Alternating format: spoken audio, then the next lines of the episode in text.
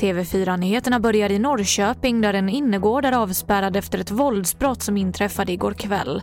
Polisen har inlett en förundersökning om människorov och misshandel och en person har gripits och sen anhållits av åklagare. Så till USA där maktövergången nu inleds formellt.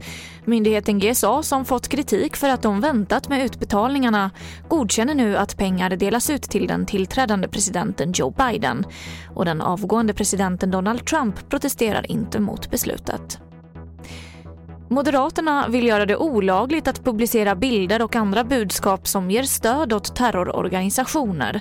Där skriver partiledaren Ulf Kristersson på DN Debatt idag. Förbudet är ett av åtta förslag som Moderaterna presenterar i ett åtgärdspaket mot politisk och våldsbejakande terrorism. Och jag avslutar med att berätta att föräldrarna till det spädbarn som hittades i en papperskorg på den internationella flygplatsen i Qatar för några veckor sedan har nu hittats. De är inte kvatarier och befinner sig i ett annat land och mamman riskerar 15 års fängelse för att ha övergivit sitt barn. Händelsen väckte stor uppmärksamhet sen kvinnliga resenärer tvingades genomgå gynekologiska undersökningar för att hitta mamman. Och det var det senaste från TV4 Nyheterna. Jag heter Emily Olsson.